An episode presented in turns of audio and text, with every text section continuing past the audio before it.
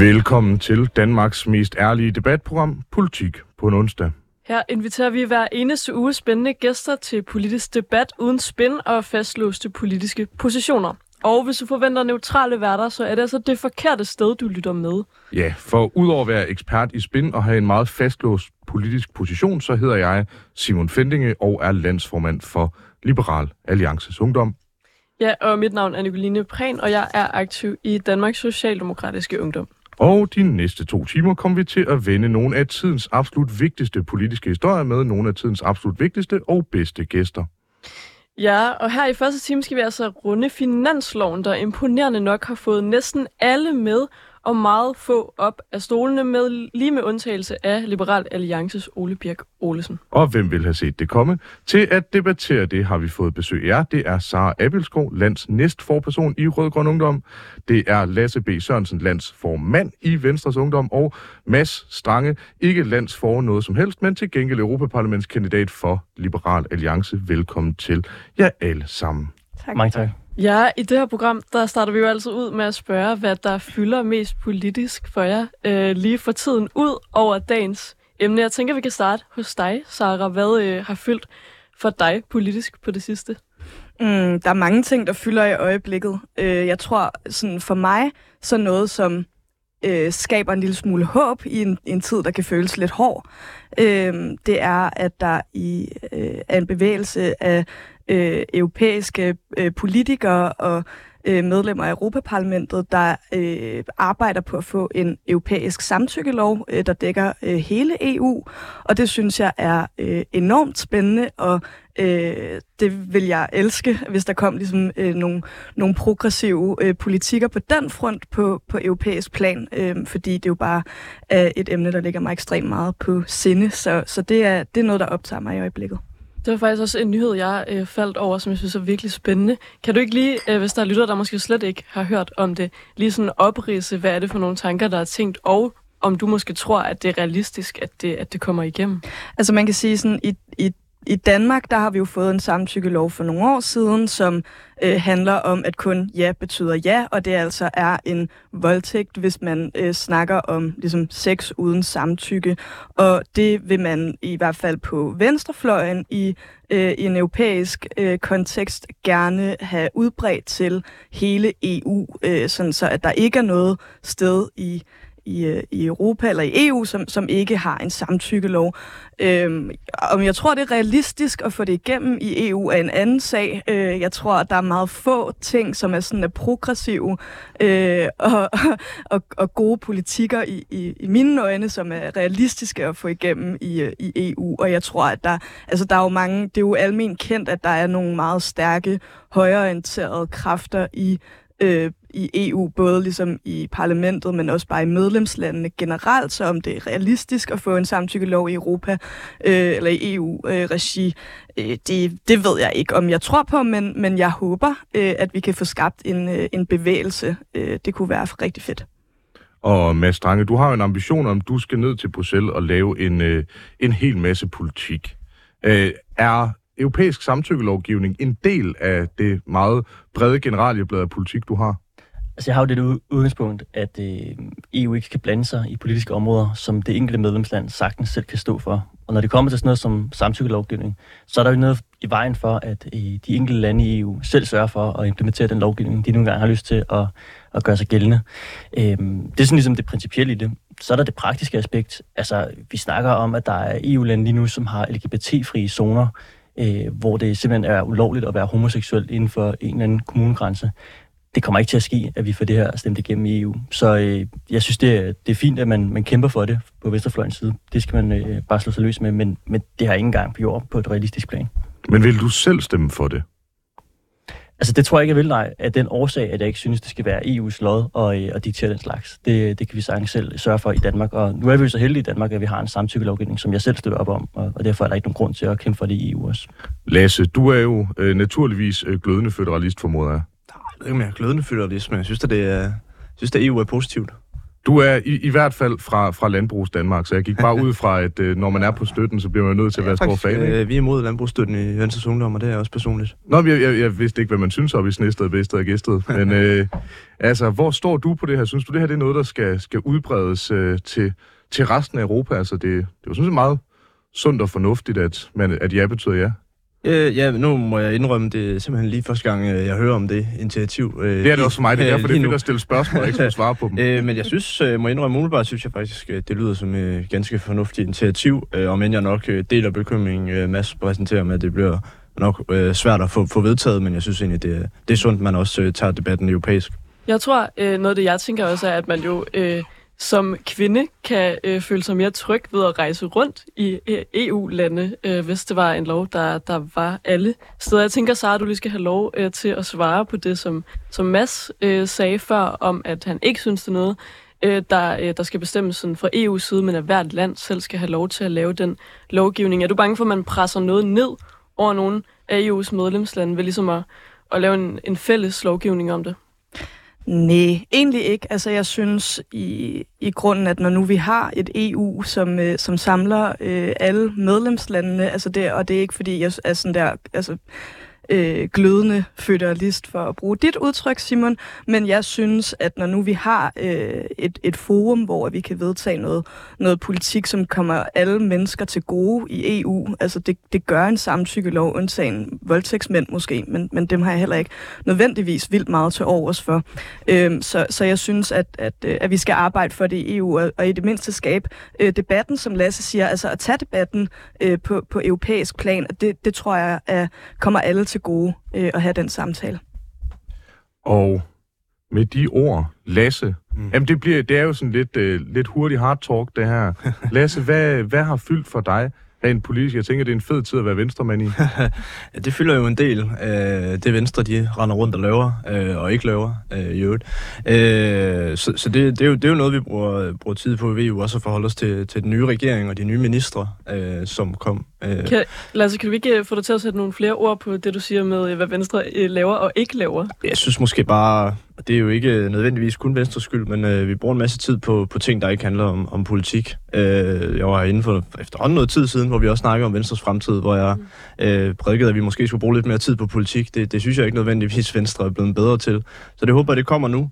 Øh, nu er der forhåbentlig fået lidt ro på, og ny formandskab, og, og en, og en rokade, øh, som forhåbentlig kan, kan gøre, at vi skal snakke lidt mere om øh, politik. Øh, og det vil vi gerne bidrage med i EU. Men hvi- hvis man gerne vil snakke eksempelvis mere politik, er det så ikke en dårlig idé eksempelvis at fjerne en digitaliserings- og ligestillingsminister, som er en af dem, som har haft et ret stærkt fokus på politik, og forklare en af de her, altså ellers ret negligerede øh, ministerposter og politikområder, er man så ikke lidt selv skyld i det? Jo, men altså nu er det jo... Og jeg ved godt, at Mia Wagner har været med i Løvens Hule og sådan noget. Al respekt for det. Jo, jo, men det er jo, det er jo Troels, der bestemmer, hvem der er, der er minister i, i Venstre, det, det gør jeg ikke. Øh, Og det er vigtigt at understrege, jeg er ikke i gang med at angribe dig nej, nej, for... nej. Øh, øh, men jeg synes jo, altså, han må jo have vurderet, at der var, der var brug for nogle, for nogle andre kræfter, øh, og det må man jo så øh, bakke op om. Så synes jeg, det er, det er synd for Mia, at øh, hun øh, blev syg, og dermed ikke øh, kan varetage hendes øh, ministerie lige nu.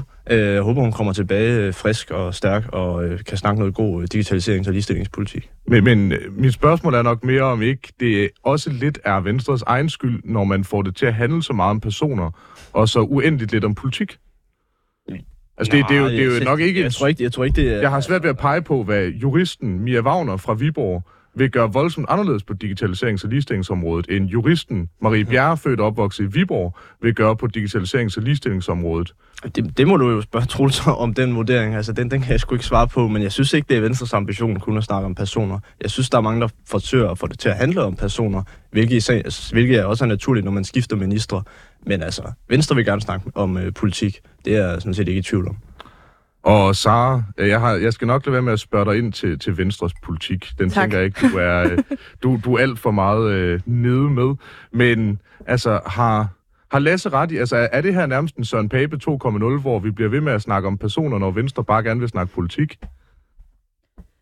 Det synes jeg simpelthen er et virkelig svært spørgsmål at svare på, fordi helt ærligt, så det er interesserer det mig ikke særlig meget, hvem der... Helt ærligt, så interesserer det mig ikke særlig meget, hvem der har hvilke poster i Venstre. Øh, Jeg synes, det er, jeg synes Marie Bjerre gjorde det godt som ligestillings- og digitaliseringsminister, og jeg synes, det er øh, synd, at, øh, at hun har mistet den post, men det er sådan set det eneste, jeg... Øh, altså, jeg, jeg har ikke nogen skarp analyse af, af det spørgsmål, det må være ærlig at indrømme. Men glæder du dig over, at det går Venstre så ufattelig dårligt, som tilfældet er? Altså, øh, altså de, har, de sidder jo stadig i en flertalsregering, kan man sige, og det, det går mig da på hver evig eneste dag. øh, men, men altså, jeg, jeg fokuserer på, øh, hvad vi laver i RGU. Jeg fokuserer ikke særlig meget på, hvad de render rundt og laver over i Venstre. Det synes jeg selv, de må styre. Det er sådan meget fodboldagtigt svar. Jamen, vi fokuserer på, hvad vi selv laver på banen, og så satser vi på at vinde jo. Ja, sådan Øh, er jeg. Mads, nu øh, øh, repræsenterer du et, et parti, et, et parti, jeg jo øh, selvfølgelig øh, øh, foragter simpelthen. Øh, altså, I er jo blevet anklaget for blandt at være meget hårde ved Jacob Ellemann og snakke me- rigtig meget om Venstre.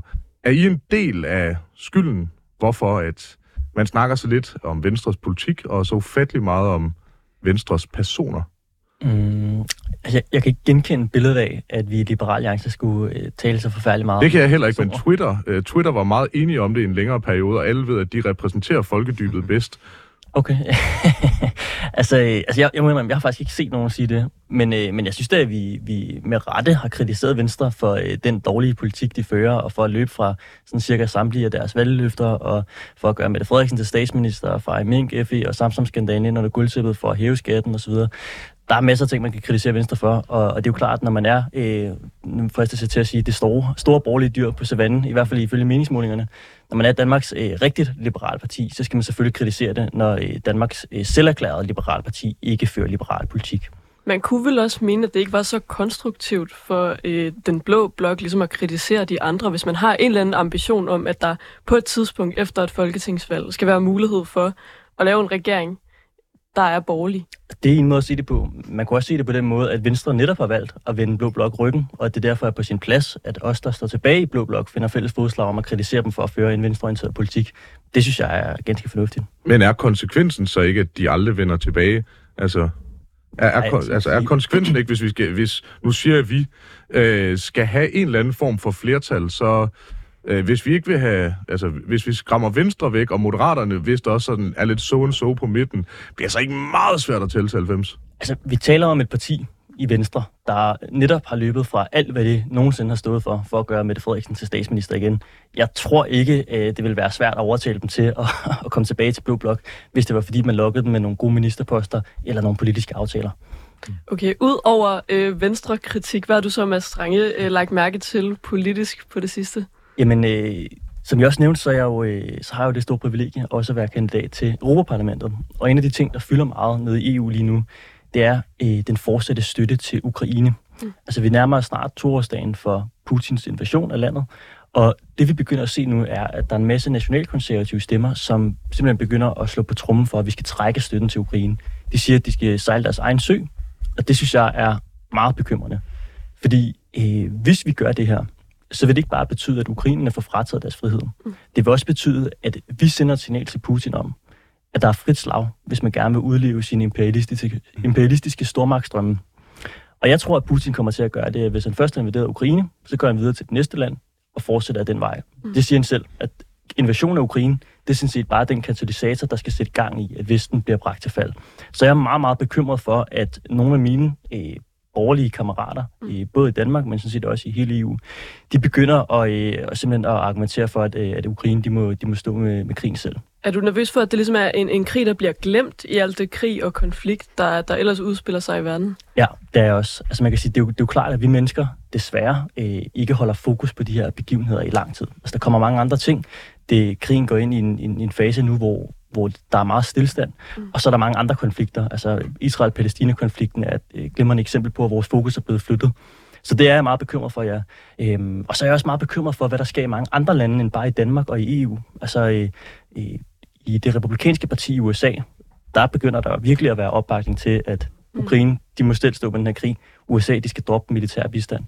Og hvis Trump vinder valget, så er jeg meget, meget bekymret for, at, at det vil betyde, at, det, at vi i hvert fald i Europa står tilbage med, med opgaven om at hjælpe Ukraine, fordi det er bare USA, der, der trækker en stor del af læsset på den front.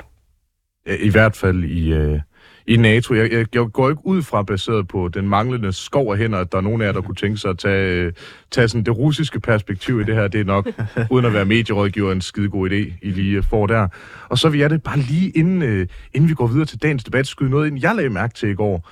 Øh, fordi min, min yndlingsservation, nemlig SF, hvis der sidder nogen derude, der er privat ansatte, jeg ikke har hørt om dem, så er det nok, fordi I ikke er lærere, pædagoger eller sygeplejersker, øh, men et relativt stort parti i Folketinget, som åbenbart sidder i forhandlinger med Socialdemokratiet og resten af regeringen om FE-sagen, kunne jeg forstå, og forsøger simpelthen at slå en handel af så meget, at retsordfører Karina Denhardt bliver spurgt i går i Folketingssalen, hvad, og om der egentlig er noget om det, det er Peter Kofod fra Dansk Folkeparti, der spørger, og hun siger, ja, men øh, vi vil jo gerne bruge vores mandater til at, at afsøge vores respektive muligheder.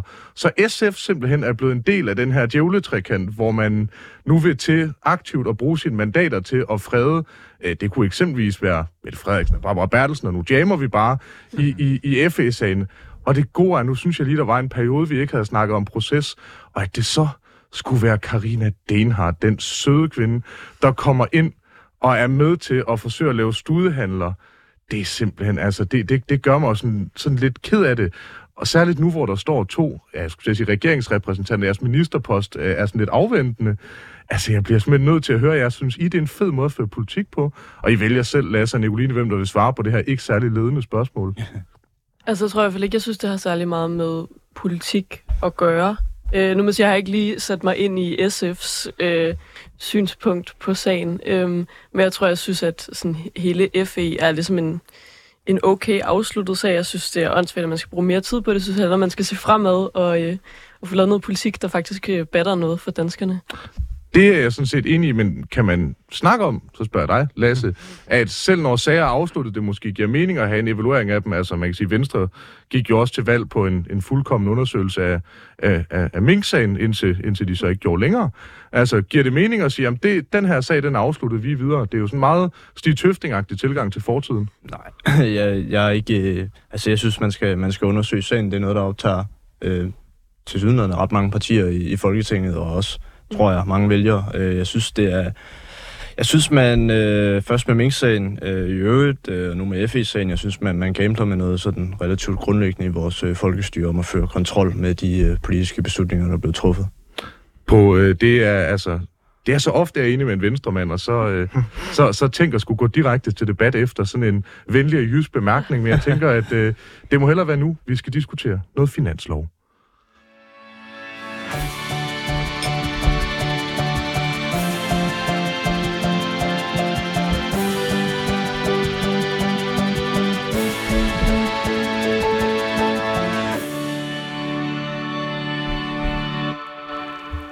Ja, du lytter til Politik på en onsdag med Simon Fendinge og Nicoline Prehn, hvor vi i dag har besøg af Sara Appelskov, der er lands næst for person i Rød Grøn Ungdom, Lasse B. Sørensen, landsformand i Venstres Ungdom, og Mads Strange, Europaparlamentskandidat for Liberal Alliance. Den 27. november, der landede finansloven for 2024. I aftalen, der som væsentligste udgift, eller i hvert fald ny udgift, bruger 1,1 milliard på borgernær velfærd, er der en smule til velfærden, en smule til klimaet, særligt til havmiljøet, det er der mange arbor, der har sat stor pris på, og mange små smuler, men uden store reformer på enkelte områder.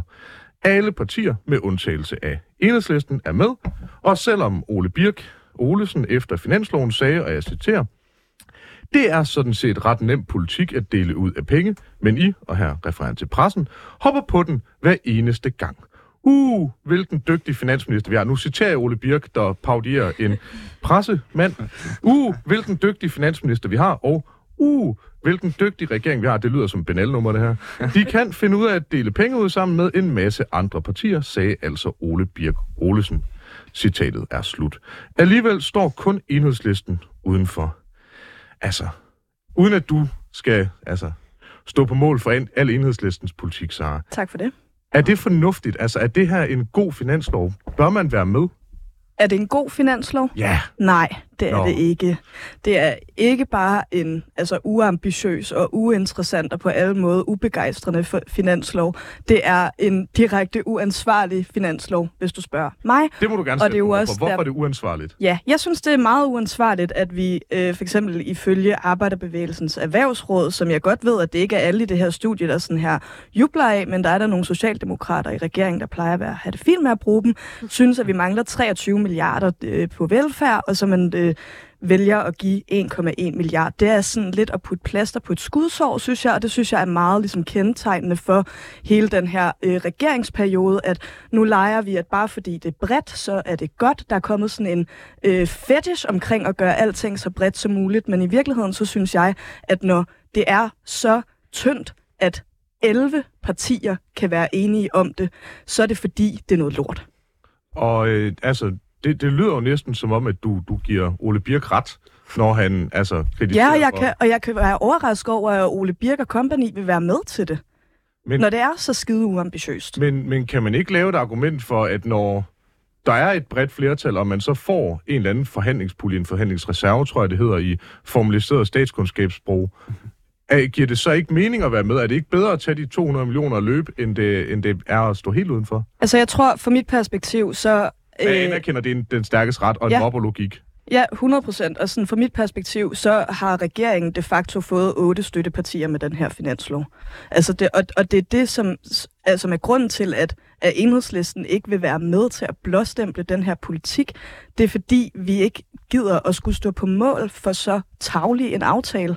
Og vi bliver ikke mætte af krummer. Og vi gider ikke sælge os selv så billigt, som resten af Folketingets partier åbenbart er Men, villige men til. Sara, er der ikke et eller andet argument i, at det er bare sådan, politik fungerer, og at enhedslisten kunne have fået Det er politik, ud Mette af det, Birgitte. hvis, hvis I var gået med? Der er trods Ja. alt nogle ting, som jeg tænker, I, i Rød Grøn Ungdom og Enhedslisten må være glade for. Der er et løft af ældreplejen. Der er øh, altså et markant løft også af erhvervsuddannelsernes økonomi, eksempelvis. Jamen, der er der mange gode ting med i finansloven, men der er også rigtig, rigtig mange ting, der ikke er i finansloven. Mm. Og man fik, hvad var det, vi endte på? Da, man fandt lige nogle ekstra pengesedler i, i madrassen inde, hos, inde i Finansministeriet, men hvad var det, vi landede på? 900 millioner i, i forhandlingsreserven? Eller sådan 500 noget? millioner. 500 millioner til, til slut. 500 millioner ifølge Finansministeriets egental. Øh, Okay. Øh, det er i hvert fald øh, mindre end en milliard, øh, man har at forhandle med. Øh, Et hurtigt alle- faktatjek kan jo bekræfte det statement. otte partier imellem. Mm. Altså, så får man jo krummer, og ja, det er da rigtigt. Jeg er da glad for, at der kommer nogle penge til, at man kan få et fradrag til til at reparere sit eget tøj, eller hvad det var, og man kan, øh, altså, øh, at man kan øh, redde havmiljøet, eller lave en indsats for det, og sådan. Der er mange ting, der, der er gode i det, men der er også rigtig mange ting, der ikke er i det, og der sidder altså nogle borgere ude i det her land, som øh, sidder i deres eget afføring, og ikke får, øh, ikke får vasket tøj, og ikke får Men det er vel netop derfor, Altså- der er faktisk er sat penge af til ældreplejen eksempelvis. Altså er der ikke et eller andet i, at, Ja. det, at det ligesom også er metoden, at man i enhedslisten vælger som de eneste at stille sig sure og tvære hen i hjørnet, og ikke vil være med? Altså, synes, Man kan enten ikke, sige, det at man ikke gider- Ærgerligt. Jeg synes ikke, det er ærgerligt, at vi er sure og tvære og stiller os over i hjørnet og ikke gider at være med. Vi kom ind i de her forhandlinger med en ambition om at ændre dansk politik og være med til at påvirke det, og øh, det fik vi ikke lov til, og vi gider ikke blåstemple den politik, som regeringen fører, fordi vi grundlæggende synes, det er noget neoliberalt bullshit. Okay, nogen, der så til gengæld jo er gået med i øh, finanslovsaftalen, selvom I også har været kritiske, det er jeg i Liberal Alliance, Mads Strange. Øhm, deler du Ole Birks kritik af øh, den brede finanslov? Ja, det gør jeg. Øh, og jeg synes også, at, at Sara her har rigtig mange gode pointer. Altså, øh, finansloven er et spejlbillede på regeringen. Den er øh, uambitiøs, som Sara også siger, og den er uden visioner for Danmark. Og det er jo præcis sådan, som regeringen kører lige nu. Altså, regeringen er ramt af parlamentarisk paralyse. Der sker ikke noget i den regering. Den er handlingslammet. Øhm, når der så alligevel er et argument for, at man ikke skal gøre som Saras moderparti, altså enhedslisten, og stå mm. udenfor, så er det jo fordi, vi skal huske på, at regeringen har et flertal. Regeringen den kan gennemføre præcis den finanslov, den vil. Og så kan man jo spørge sig selv som parti, vil man gerne være med til så at lave nogle forandringer, eller vil man stille sig ud i hjørnet af Folketingssalen med korslagte arme og stå udenfor? Det er selvfølgelig federe at få hele kagen, men hvis man ikke kan få hele kagen, så er det jo trods alt bedre at få et enkelt stykke, end det er ikke at få noget overhovedet. Og det er ligesom det, der har været resonemanget bag, at Liberale Alliance så er med i finansloven. På trods af, at vi synes, den er uambitiøs og uden visioner. Fordi vi har jo faktisk fået nogle små resultater. Men, men nu siger Sara jo før, at i virkeligheden så får regeringen otte støttepartier af det her. Altså, er der ikke et argument i, at man ikke skal... At, at, og det er jo et argument, som øh, flere LA'er også har brugt mod blandt Venstre, at der er en begrænsning på, hvor mange skovsnegle du skal spise for at få et stykke kage. Mm-hmm. Altså, er, er der ikke ret ofte et argument for, når ens mandater er ligegyldige, at man ikke behøver at gå med for enhver pris? Jo, det er da helt sikkert. Jeg synes bare ikke, det er tilfældet her. Okay, og det, det er jo en, øh, en, en konkret vurdering. En, der til gengæld må være ved at skumme over af glæde, er, er, jo, er jo dig, Lasse B. Sørensen. Altså ikke bare resultater til havmiljøet, men også 1,1 milliard til borgerne af velfærd. Mm. Altså er det her en god finanslov? Nej, jeg synes, øh, jeg synes, det er en kedelig finanslov. Øh, hvis, finansloven er ofte kedelig, øh, hvis man sætter sig ned og læser den. Øh, men de politiske tiltag, synes jeg, er, er kedelige, øh, og jeg øh, ikke så meget om, hvor mange partier, der er med, men jeg, men jeg synes, at regeringen har åbenbart sat sig et mål om at lave så brede aftaler som muligt. Det er de jo rimelig klar over. Det er jo også det vigtigste, når man slår finansloven op, eller hvis man så på øh, pressemødet. Det handlede om, at vi har fået så mange partier med som muligt. Og jeg er sådan set enig i det, øh, de andre to her siger, men når du skal have så mange partier med, så bliver det unægteligt sværere at finde øh, altså, så mange øh, store reformer, øh, hvis man ville det. Så man skulle have haft en smallere finanslov? Jeg synes faktisk, øh, hvis man absolut skulle have, øh, nu er jeg ikke så stor fan af den regeringskonstellation, øh, vi har, det er ikke nogen hemmelighed, øh, men, men hvis man, ideen var, at man skulle træffe de svære beslutninger, jeg tror jeg, de sagde, da, da man præsenterede regeringen, hvis ideen var, at man ville reformere Danmark, mm. så har man jo ikke formået at gøre det, fordi man nu har et overskyggende mål om, at man skal være så bred som muligt. Du kan ikke gøre begge dele, som jeg ser det, øh, så du bliver nødt til og jeg synes, når man har en flertalsregering, så skal der sådan set heller ikke være noget i vejen med at bruge det, det flertal. Nej, og øh, nu, nu er der jo sådan en udbredt, sådan, jeg vil kalde det skepsis, mismod øh, over hele linjen. Nicoline, du, du lyder som om, at du faktisk er sådan lidt, lidt munter over den her finanslov. Altså, synes du, det er en god finanslov? Jeg tror, hvis man øh, har lyttet til det her program før, så ved man jo godt, at jeg ikke er SVM-regeringens største fan. Øh, men jeg må faktisk sige Ej, alligevel... top 10 jeg må faktisk sige alligevel, at jeg synes, der er noget lidt fedt over det her med, at man laver så bred en finanslov. Øhm, jeg synes, det er flot, øh, at man har landet en finanslov, som alle, undtagen den aller, aller yderste venstrefløj, har ville være med til at stemme for.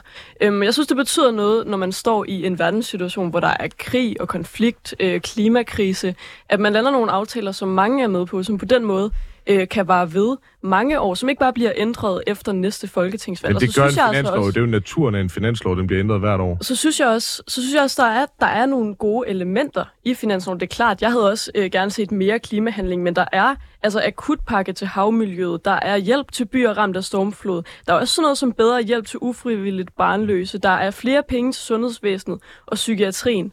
Øhm, man kan godt kalde det kedeligt, men jeg synes simpelthen også, det er vigtigt. Men når Arbejderbevægelsens Erhvervsråd siger, at der kommer flere penge, men det er ikke, det er ikke nok, altså er det ikke, er det ikke problematisk? Er det ikke problematisk, når noget bliver så bredt?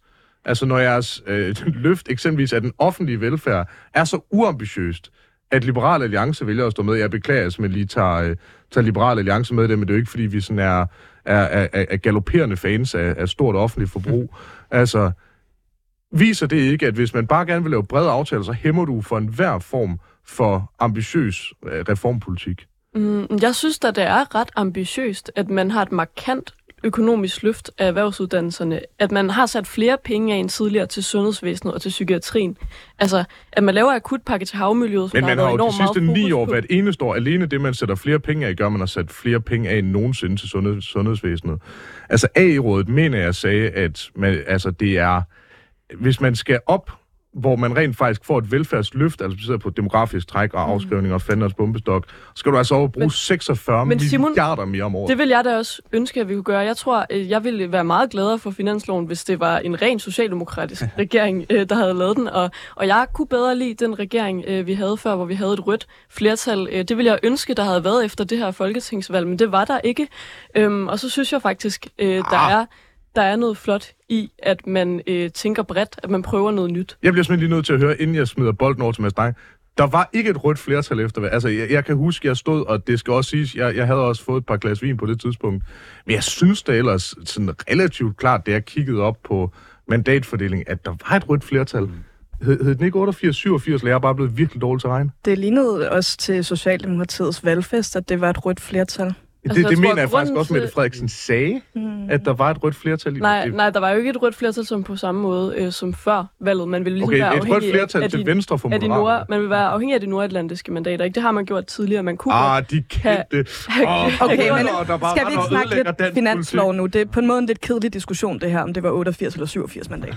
Absolut. Der er ikke et rødt flertal. Der er ikke et magenta-flertal. Der er ikke noget flertal overhovedet. Det er de nordatlantiske mandater, der sidder på dansk politik. Mads Strange. Jamen, jeg tror bare, at jeg vil punktere øh, Nicolines argument om, at det er en fordel i sig selv, at der er et bredt flertal i finansloven. Øh, også, jeg kan ikke se, hvad det har at gøre med, at der sker ting uden for, for de danske landegrænser i Ukraine og den slags. Øh, altså, politiske aftaler skal jo vurderes på, hvad de indeholder, og ikke hvem, der har indgået dem. Så at der er mange partier, der har været med til at indgå en aftale, gør den jo ikke automatisk god. Og, og så kan man sige, som der også allerede er blevet, blevet sagt her, altså, det vi ser lige nu, det er, at regeringen, den er handlingslammet. Den kan ikke få gennemført de store stilede visioner, som, som de slog sig op på, at den blev dannet for et år siden. Og det, de så gør, er, at de trækker en masse partier med i aftalen om finansloven, som et røgslør for, at det er en ligegyldig og uambitiøs finanslov. Men altså, som, som jeg hører også, hvad Nicoline siger, altså en ting er ambitionsniveau, det er der ikke nogen, der er glade for. Mm. Men i rigtig mange øh, reformer, rigtig mange aftaler, så skal man jo være en del af forlispartierne for, at, at man rent faktisk kan forhandle om det. Og det giver også noget stabilitet at have brede aftaler. Er der ikke, for eksempel i Ukraine, for eksempel på forsvarsområdet, giver det ikke rigtig god mening at have så brede aftaler som overhovedet muligt, for at sikre, at det her ikke er noget, der bliver pillet ned efter næste valg? Altså, det kan sagtens være, og, øh, og det er jo igen, det er jo fint at have brede aftaler, hvis det er med henblik på, at det er noget, der skal gøre sig gældende i 10 eller 20 år ude i fremtiden, så det er godt, at man har en vis stabilitet. Men det vi ser her er, at det er alle partier i Folketinget, selv de små ligegyldige partier som Alternativet og Nye Borgerlige, der har stemt for aftalen. Og det er jo ikke nødvendigt for Danmarks stabilitet. Finansloven er en aftale, der indgås hver eneste år, mm. og derfor kan man ikke bruge det argument om, at det er godt at sikre stabilitet i finansloven, fordi det er ligegyldigt, når det skal indgås hver eneste år alligevel. Men det tror jeg sådan set godt, jeg synes, man kan, fordi det jo også handler om, at flest mulige danskere er repræsenteret i den finanslov, der bliver landet. Øhm, det, det må jo være sådan, det er, at det ikke kun eksempelvis er de højreorienterede danskere eller de venstreorienterede danskere, men det faktisk er stort set alle, Nej, men der altså- er repræsenteret i Men, den her men demokratiet fungerer jo på den måde, at det er flertallet, der bestemmer. Så hvis der er et politisk flertal for, at vi skal føre en højreorienteret politik, så er der ikke noget problem med, at man fører en højreorienteret politik. Eller omvendt. Altså hvis der er et flertal for en venstreorienteret politik, Mm. politik hvilket der for eksempel, for eksempel var før folketingsvalget, så det er jo ganske legitimt, at det er den politik, der bliver ført. Men, men, men altså, kunne man ikke også lave et argument for, at øh, der ikke længere er, i hvert fald i meningsmålingerne, at det flertal, der i hvert fald engang var for den her sådan midterpolitik, det efterhånden er sådan lidt so and so. At Socialdemokratiet bløder, Moderaterne bløder, Venstre bløder.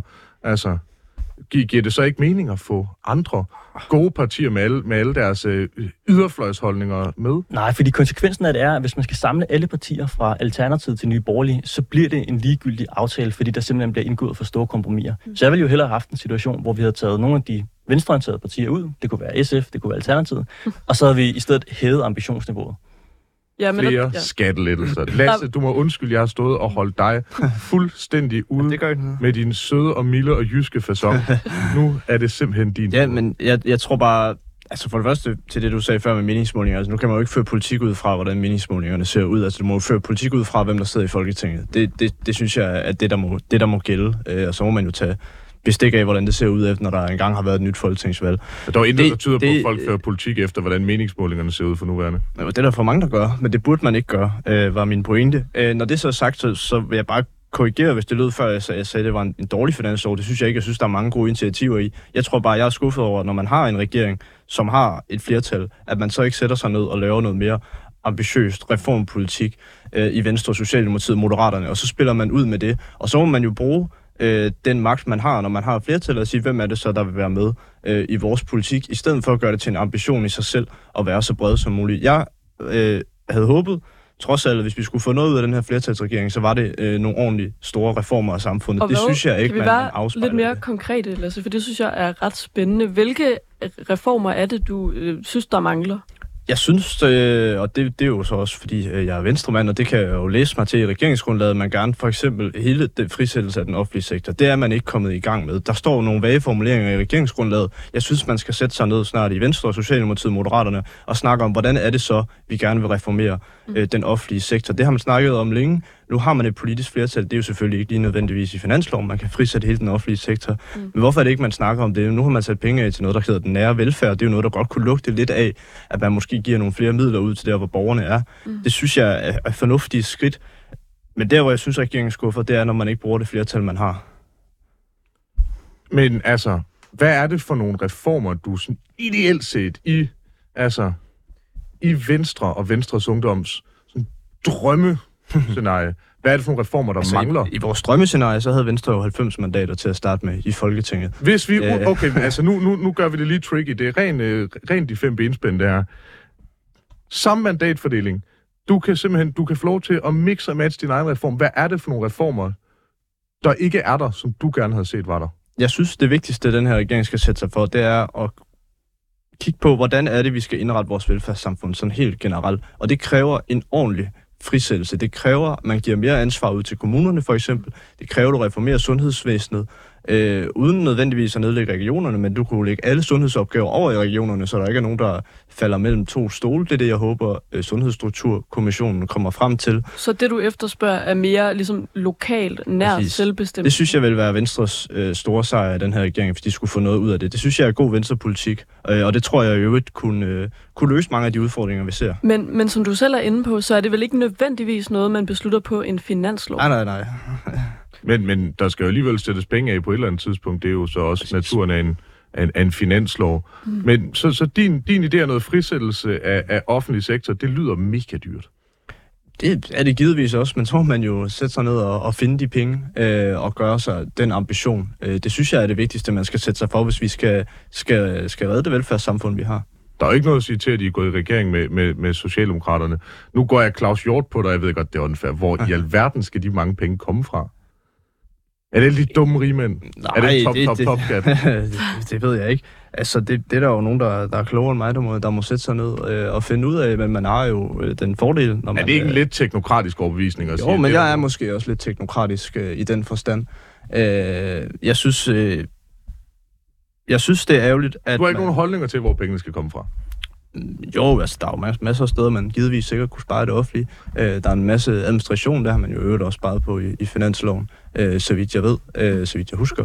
Øh, har man vedtaget det den her gang at spare en masse øh, sådan så nogen som mig, nogle kolde djøffere. Øh, det, det synes jeg er fornuftigt, og det hænger sådan set også sammen med en frisættelse og en privatisering af velfærden. Sara, nu, øh, nu, nu synes jeg, vi skal gå videre til dig. Nu har vi ligesom hørt øh, VU's bud på, hvordan finansloven ville have set ud, øh, hvis de skulle bestemme. Jeg kunne godt tænke mig først at spørge dig, øh, hvad vil ligesom være et minimum, før du synes, at det vil være okay, at enhedslisten havde stemt for den her finanslov? Puha, det er et stort spørgsmål. Det er jo svært, fordi sådan en finanslov er jo et kompromis, og det ved jeg jo også godt, selvom jeg er sådan en sur en, der står ude med hjørnet med korslagt arme. Mm. Øhm, jeg tror, sådan, for mig, så, så skal man simpelthen have højere ambitioner end at bevare status quo, mm. når man laver en finanslov. Og det er det, jeg i virkeligheden synes er, at den her finanslov sådan, øh, det er i hvert fald min personlige anke ved den her finanslov, det er, man har måske en ambition om, at, at sundhedsvæsenet ligesom skal følge, eller pengene til sundhedsvæsenet skal følge med det, der er behov for i forhold til det demografiske træk. Øh, men, men, men man har ikke nogen ambitioner om, at der er færre sygeplejersker, der skal gå ned med stress, eller at, øh, at der er færre patienter, der skal dø, mens de venter på ventelisten, eller øh, at øh, kollegaerne ude i psykiatrien, ligesom, øh, at deres kollegaer ikke øh, bliver slået ihjel af deres patienter, som jo alle sammen er, er symptomer på et sundhedsvæsen i knæ. Ja, så der er jo sat penge af til sundhedsvæsenet og psyko- psykiatrien, men det du efterspørger er flere penge. Ja, mm. ja fordi, det, fordi det, der er, er sat af, det er ikke nok. Det er at det er tops til at, at, at bevare mm. øh, status quo, og jeg synes simpelthen, man skal have større ambitioner for det her land, for end at bevare status quo. Jeg synes, vi skal øh, udvikle vores samfund øh, i en retning, sådan så at alle har flere øh, basale rettigheder, at folk kan komme til i sundhedsvæsenet, og at vi har et øh, havmiljø, der ikke øh, er ved at kollapse, og det er jo øh, også noget, der er sat penge af til finansloven, men, men, men man, er, man er uambitiøs på klimaets vegne, man er uambitiøs på borgernes vegne, man er uambitiøs på velfærdssamfundets vegne, og, og, og det, øh, det synes jeg er godt, at enhedslisten ikke øh, lægger navn til. Nu, nu siger du flere basale rettigheder. Hvilke basale rettigheder er det, der mangler? Jamen, jeg synes, at jeg synes, man tag, altså, jeg synes godt, man kan tale om, at der er nogle rettigheder, der mangler, når man for eksempel, hvis man skal diagnostiseres for, øh, øh, eller hvis man skal udredes for ADHD for eksempel, at man skal, så skal vente i 16 måneder, tror jeg, den aktuelle ventetid er, eller at når man som voldtægtsoffer med senfølger kommer til et af de offentlige tilbud, vi har, og skal vente i over et år, selvom man aktuelt har øh, ekstreme begrænsninger i hverdagen på grund af PTSD-symptomer osv. Altså jeg synes, der er sådan, øh, når, når vores sundhedsvæsen er så meget i knæ, at man ikke kan komme øh, til, når man har brug for det, det så synes jeg, at, at, øh, at der er et tab af rettigheder. Mads Strange, på din drømmefinanslov, som jeg forestiller mig øh, indeholder væsentligt færre penge end, øh, end de to andres. Altså, hvad, hvad står der på ønskesedlen? Altså, er det bare skattelettelser? Altså, jeg er jo enig med, med Sara i, at ambitionsniveauet er lavt, og jeg er også enig i, at vi står over for en masse vigtige problemer, som vi skal løse. Men vi bliver nødt til at huske på, at vi lever i et af de lande i verden, der har det højeste skattetryk. Og vi har en af de største offentlige sektorer i Danmark. Så løsningen på de her problemer, det er jo ikke at sende endnu flere penge til et system, der ikke hænger sammen. Løsningen er at ændre systemet. Jeg kan ikke forstå, hvorfor man bliver ved med at tro, at vi, vi kan få problemerne til at forsvinde som duk for solen, hvis vi bare sender flere penge ned i det her hul, fordi altså, det, det er jo helt tydeligt, at når vi første omgang betaler så høje skatter, og servicen ikke er god, hvorfor skulle det så blive bedre af at betale endnu mere i skat? Så det, jeg gerne vil gøre, det er, præcis som du forudser, Simon, og, øh, og have en finanslov, der er lidt slankere, end hvad der er tilfældet i dag. Og, og så samtidig sørge for, at vi får lavet nogle strukturelle forandringer i det offentlige, så det ikke er staten, der sørger for at levere de her services. Men, men du, du siger, at når man, altså, at der ikke nødvendigvis kommer mere ud af at bruge flere penge på det. Gør der ikke generelt det? Altså, kan man ikke argumentere for, at grunden til, at det ikke fungerer på nogle områder, er fordi, der ikke er brugt penge nok på det psykiatrien, for, for at tage et eksempel? Altså, hvis man nu gav en milliard til havmiljøet, eller en milliard for den sags skyld til, til psykiatrien, eller en milliard til en eller anden klimaløsning, altså, vil det ikke grundlæggende gøre de tre områder bedre? Man kan altid finde nogle eksempler på steder, hvor der mangler penge. Jeg synes, psykiatrien er et godt eksempel på det. Jeg vil gerne tilføre flere hvor penge til den danske mange psykiatri. Penge? Det kunne for eksempel være i sundhedssektoren. Der er for mange penge i sundhedssektoren. Ja, det, det tager 16 måneder at blive udredt for ADHD, og man kan sige, at psykiatrien er altså også en del af sundhedssektoren. Præcis. Og Hvor det skyldes i sundhedssektoren er der for mange penge? Og det skyldes ikke, at der mangler penge. Det skyldes, at man har lavet et system, hvor det er staten, der skal stå for at levere de her ydelser. Når, når, man, når man vælger at placere ansvar for det i staten, hvor det er folk, der ikke har et incitament til at yde en god service, så fører det generelt også til en dårligere service. Så det, du taler om, en privatisering af sundhedssystemet, eller hvad? En delvis privatisering af sundhedssystemet vil være et godt skridt i den rigtige retning. Og, og det, jeg tror, vi skal huske på, når vi snakker om de her ting, det er, at man skal, man skal huske på, at vi behøver ikke at have et system, hvor bare fordi det er staten, der betaler for ydelsen, så det er også staten, der leverer ydelsen. Jeg, jeg vil gerne gå med til en model, hvor vi stadig havde et system, hvor, hvor staten stod for at finansiere den, så alle havde mulighed for at få de her ydelser, men hvor det ikke var staten, der stod for at levere det. Men altså, altså det skal jo også siges, jeg er jo i, i, i, i sådan en vis udstrækning også enig, men altså, er, er problemet ikke... Du siger, der skal bruges færre penge øh, på altså noget af det her velfærd, det så skal til gengæld skal over til, til private udbydere. Er ulempen ikke af, at de private udbydere, ligesom man ser i for eksempel USA, vil få rigtig meget magt? Altså du ser forsikringsselskaberne som mellemmand, og, og det er jo uden at gå sådan helt marxistisk til værks, men øh, har dog læst økonomi, har han forlået og sågar er færdiguddannet inden for lige præcis det, så det er en snak, vi har en gang imellem de her udbydere skal jo have en eller anden form for profit. Altså, og kan jo så i nogen grad også selv sætte priserne, fordi meget af det her er nogenlunde monopoldannet. Mm. Det du får ud af det, det, det er vel ikke så meget en billigere offentlig sektor, så meget som det er nogle virkelig, virkelig rige privathospitaler, eller hvad? Mm. Nej, det er jeg ikke enig i. Altså, grund til, at USA's sundhedssystem er i krise, det er ikke, at det er privat. Det er, at det er gennemreguleret. Og for at man så kan altså, ruste sig som virksomhed, øh, mod den regulering, der er, jamen, så kan man tage nogle højere priser. Man kan finde masser af andre eksempler på sundhedssystemer i andre lande. Schweiz er et godt eksempel på det, hvor priserne er meget lavere, men hvor ventelisterne også er meget lavere. Så igen, det handler ikke bare om, hvilket beløb, der bliver sat ind på kontoen. Det handler om, hvordan man skruer systemet sammen. Og der tror jeg på, at når vi i forvejen har et så højt skattetryk som i Danmark, og vi i forvejen får en dårlig service, hvad så med at prøve noget nyt? Men, men, men det, jeg synes, lynhurtigt, vi skal... må jeg stille en lynhurtig opfølger? Ja. Men en af grundene i Schweiz er vel også, at de har en meget, meget stor del af, af medico- og farmasektoren mm. inde i deres eget land, som er en stor udgift i, altså i sådan en sundhedssektor. Altså, er Schweiz et realistisk land? Og så altså, er det overhovedet en sundhedssektor, der er værd Altså, vi har jo ikke de samme vilkår som dem. Altså, nu siger du, at en del af USA øh, er, er på grund af gennemreguleret. Giver det ikke også meget god mening, at man gennemregulerer eksempelvis noget som privathospitaler, for netop at sikre, at der er en eller anden form for sikkerhed, når Bente på 64 kommer ind for at skulle have repareret sit brækket ben. Det er meget rart at komme ud mm. som, altså med gips frem for silikonebryster. jeg, ved, jeg ved ikke, hvor, hvor realistisk et eksempel det er. Men, men man Folk kan sige, får det er ikke, benene i Region Midtjylland. Det har folk også sagt for urealistisk for to år siden. Og Sjælland i øvrigt. Men- Folk får skåret benene af alle steder. men, men det er jo faktisk et meget godt eksempel på det, jeg siger. At lige nu har vi et system, hvor det tydeligvis ikke fungerer, på trods af, at vi har høje skatter. Så hvis skulle det havde være været i det private, så havde folk beholdt deres ben.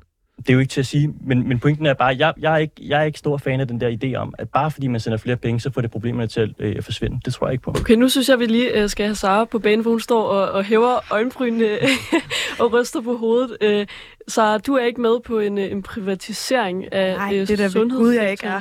Øh, Og jeg bliver da rasende af at høre på det, Mads siger. Det vil jeg da gerne indrømme, fordi det der, det der er med øh, privatisering af sundhedsvæsenet, helt eller delvist, det er, at det handler ikke kun om penge. Det handler også om, at øh, private øh, selskaber, private virksomheder har ret til at afvise patienter, hvis de er for komplicerede for eksempel. Det er det, man ser i dag med, med de øh, øh, tilbud, man kan få øh, på et privat hospital i dag. Hvis du for eksempel hvis du skal have opereret knæet, men du ryger for eksempel, så øh, har privathospitalet øh, fuld carte blanche til at afvise dig, fordi du er en kompliceret patient, fordi du ryger. Og det er et kæmpestort problem, hvis vi skal til at basere basale velfærdsrettigheder på virksomheder, som har ret til at afvise patienter, fordi så er det ikke længere en rettighed. Og, ja, for jeg tror, jeg er jo øh, enormt enig med dig, men lad os sige, at man nu opstillede et regelsæt, der gjorde, at det ikke var en mulighed. Jamen, så er jeg stadig bekymret, fordi vi har også nogle øh, udbudsregler i EU på alle mulige andre punkter, og alt muligt andet, biokratisk, teknokratisk, alt muligt, der gør, at, øh, at vi skal øh, sikre, at vi har overskud på finanserne og, og så videre, som, som gør, at når vi så skal udbyde de her øh, services til private virksomheder, jamen så er det dem, der kan gøre det billigst. Man tager ikke øh, hensyn til alt muligt andet, arbejdsvilkår, øh, lønninger øh, og så videre. Det, det har man som stat ligesom ikke ret til bare at, at, at, at prioritere. Så skal man vælge det, der er billigst, fordi det er det, der er pointen med at privatisere ting.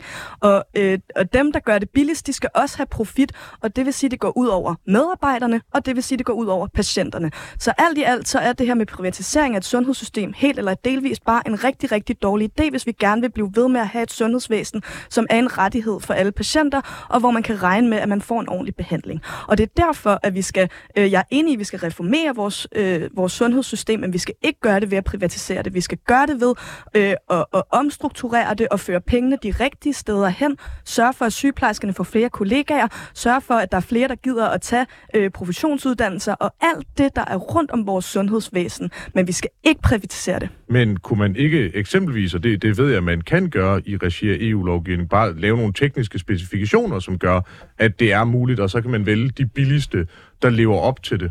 Eller hvad? Det er bare et ja-nej-spørgsmål, inden mit næste spørgsmål. Spørgsmålstegn. Spørgsmålstegn. Cool. Vil man ikke for eksempel se det, hvis man nu, lad os nu bare sige, at man gav retten til at bruge et privathospital fra dag 1 frem for dag 30, i tilfælde at man ender på venteliste? Vil det ikke gøre, at, nu snakker vi om basale rettigheder før, at ventelisterne bliver meget kortere? Og selv i et scenarie, hvor privathospitaler ikke tager komplekse operationer, at de faktisk løser nogle af de ting, som lige nu belaster sygehusene rigtig meget, skadestuerne, som gør, at det offentlige så har mulighed for at tage nogle af de komplekse operationer, og på den måde får vi et bedre, et billigere og i øvrigt også et meget, meget hurtigere sundhedssystem. Altså, er det ikke forkert, når nu vi har privathospitaler, også privathospitaler er villige til at løfte opgaven, ikke at gøre brug af det, Men, eller hvad? men Simon, noget af det, der gør, at vores sundhedsvæsen det bløder, det er, at øh, sygeplejerskerne flygter over til det private. På trods af, altså, Altså- at vi får dårligere løn i det private, det kan man jo så prøve at overveje. Nu øh, kunne jeg godt tænke mig lige at høre dig, Lasse, for det er lang tid siden, øh, vi hørte noget fra dig. Øhm, du står ligesom lidt i midten her som, som VU'eren, øh, og som jo i en eller anden grad også repræsentant for et regeringsparti. Hvad, hvad tænker du om den her privatisering af sundhedssektoren? Jeg tror, det er, det er nødvendigt, at man, som øh, Simon så fint lige udlagde faktisk, at man bliver nødt til at se, okay, men kan det private løse nogle af de her opgaver øh, og udfordringer, vi har øh, i sundhedsvæsenet. Jeg synes ikke, det er, hvis vi snakker sådan om den offentlige sektor generelt, så synes jeg ikke, det er sundhedsvæsenet, der er det første sted, man skal privatisere eller, eller øh, søge de private løsninger. Men jeg tror, der er et fint samspil mellem offentligt og privat, som man burde kigge ind i øh, og se ind i. Mads Strange, du står og markerer derovre. Jamen, det, det er bare for... Altså, jeg synes, det er ærgerligt med den her ideologiske modstand øh, mod det private. Altså, for 20 år siden, der var det sådan, at der var 300.000 danskere, der havde en privat sundhedsforsikring. I dag, der er tallet 2,7 millioner. Mm. Så danskerne, de har set skriften på væggen. de, de gider ikke længere finde sig i, at staten bliver ved med at levere en dårlig service, på trods af, at de betaler nogle af verdens højeste skatter. Hvorfor ikke åbne op for, at der er flere private udbydere, som får muligheden for at lukke det hul, som staten lige nu sørger for, at danskerne ikke kan få en god service? Det skal så have lov at svare på. Altså, jeg, jeg er bare uenig i, din, eller sådan, i, i, hvad det er, der gør, at flere har en, en privat sundhedsforsikring. Altså, man kan sige, der, der er meget af det, som man, som man får igennem arbejdspladser. Der er flere arbejdspladser, som, øh, som øh, sørger for, at, at deres ansatte har en privat øh, sundhedsforsikring. Og så er der jo det her med, at det stadig koster penge øh, at gå til psykolog, øh, folk, altså unge mistrives mere end nogensinde, så det giver mening at få en, øh, en sundhedsforsikring, øh, der kan dække øh, psykologhjælp også. Det gælder også for forældre, der gerne vil have dækket deres børn. Øh, tandlæge er pisse dyrt øh, og, og ikke omfattet af, af sådan basal rettighedsting. Så, så jeg tror, der er mange, der har set, der er rigtig mange huller, som vores velfærdssamfund ikke dækker, og derfor bliver vi nødt til at dække det på anden vis, for eksempel ved at tegne en privat sundhedsforsikring. Og der er min løsning jo, at psykiatrien og, og alt, hvad det indebærer, private psykologer, og øh, dem der i dag er private, og, og øh, uh, tandlæge og så videre, at det skal også bare finansieres af det offentlige. Det er min løsning. Inden, inden du får ordet, Lasse, jeg vil bare stille et nysgerrigt spørgsmål. Udover selvfølgelig spørgsmålet, altså mere en kommentar, shit, det bliver dyrt. Mm. Øh, sekundært, hvis der nu er hul i en spand, giver det så mening bare at blive ved med at fylde vand i spanden? Øh, nej, jeg synes da også, der er huller i vores sundhedsvæsen, som vi skal lukke. Jeg ved godt, det er den metafor, du prøver at lave. Jeg synes ikke, løsningen er at udlicitere det. Okay, så det, det er udelukkende, hvis vi nu siger, at der er nogle strukturelle udfordringer, hvis vi ser sygeplejersker, der mm. flygter på trods af lavere lønninger et, et andet sted. Hvis vi ser eksempelvis altså, mistrivsel blandt de ansatte, folk skal løbe hurtigere og hurtigere. Mm. Vi ser læger, der bruger to tredjedel af deres arbejdstid på papirarbejde. Vi ser simpelthen nogle strukturelle udfordringer. Er det rigtige at gøre så at sige, vi skal ikke løse de her strukturelle ting, vi skal bare have mere. Jamen, det er jo ikke det, jeg siger, Simon. Jeg siger ikke, at vi bare skal fylde penge i. Jeg siger også, at vi skal omstrukturere sundhedssystemet. Jeg synes også, at vi skal have lægesekretæren tilbage, for eksempel, så sygeplejerskerne ikke øh, selv skal stå for at udfylde alt det papirarbejde. Altså, jeg, jeg synes også, at vi skal lave nogle grundlæggende forandringer. Jeg synes ikke, at den grundlæggende forandring skal være at udlicitere det til private udbydere. Men vi skal bruge en 50-60 milliarder, i hvert fald på psykolog og tandlæge. Ja, det synes jeg. Okay. Pengene er der. Ja, man kan sige, p- pengene er der altid, indtil de så ikke er der, er der længere, som en øh, socialdemokratisk borgmester i Herlev eller Ishøj, jeg kan ikke huske hvilken, faktisk sagde på et tidspunkt, så er problemet, at folk efterspørger mere og mere velfærd, men vi har simpelthen ikke råd, vi kan ikke blive ved med at opkræve pengene, folks krav til kvalitet bliver større, mm. og vi kan ikke følge med. Lasse, du kan jo som altid rigtig godt følge med, fordi du bare er pisse hurtigt, både oven i hovedet og i dine små bener. Altså, synes du, at vi skal udnytte det private mere i sundhedssystemet, og tror du, du kan få S og M med på det? Jeg synes, vi skal udnytte det private mere. Jeg tror, det er en, en nødvendighed, fordi, fordi, som du siger, folk efterspørger en bedre og en højere kvalitet, og så synes jeg, at man fra statens side skal finde ud af, hvad er det for en grundydelse, vi vil levere til alle danskere. Vil man have, have mere end den grundydelse, så synes jeg, det er fair, at man har private sundhedsforsikringer eller Og hvad skal den grundydelse være? Det er faktisk, der er ikke så meget tid tilbage, så det, det er selvfølgelig unfair at stille et meget tungt spørgsmål. Ja, det, jeg synes, det er, det er et, et Men hvad er en spørgsmål. grundydelse? Er det, er det bare skadestuer, og så... Øh Nej, jeg synes jo mere, det er de, de svære behandlinger og længere øh, forløb, hvis man bliver øh, alvorligt syg. Det skal staten kunne levere til alle danskere. Men hvis du brækker benet, så øh, skal jo, vi håbe, at lære sammen, har tid, eller hvad? Øh, nej, men altså... Det, det er jo en balance. Jeg synes, det er vigtigt at prioritere øh, tunge og lange og dyre behandlingsforløb. Øh, øh, det skal alle øh, mennesker kunne, øh, kunne få.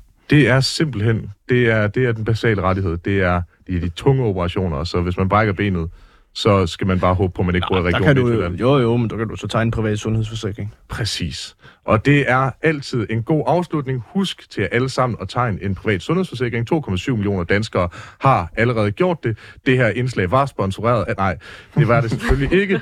Tusind tak til Mads Strange, Liberal Alliance, Sara Abelskov, Rød Grøn Ungdom og Lasse B. Sørensen fra Venstres Ungdom. Vi hedder Simon Fendinge og Nicoline Prehn. Vi lyttes ved i næste time.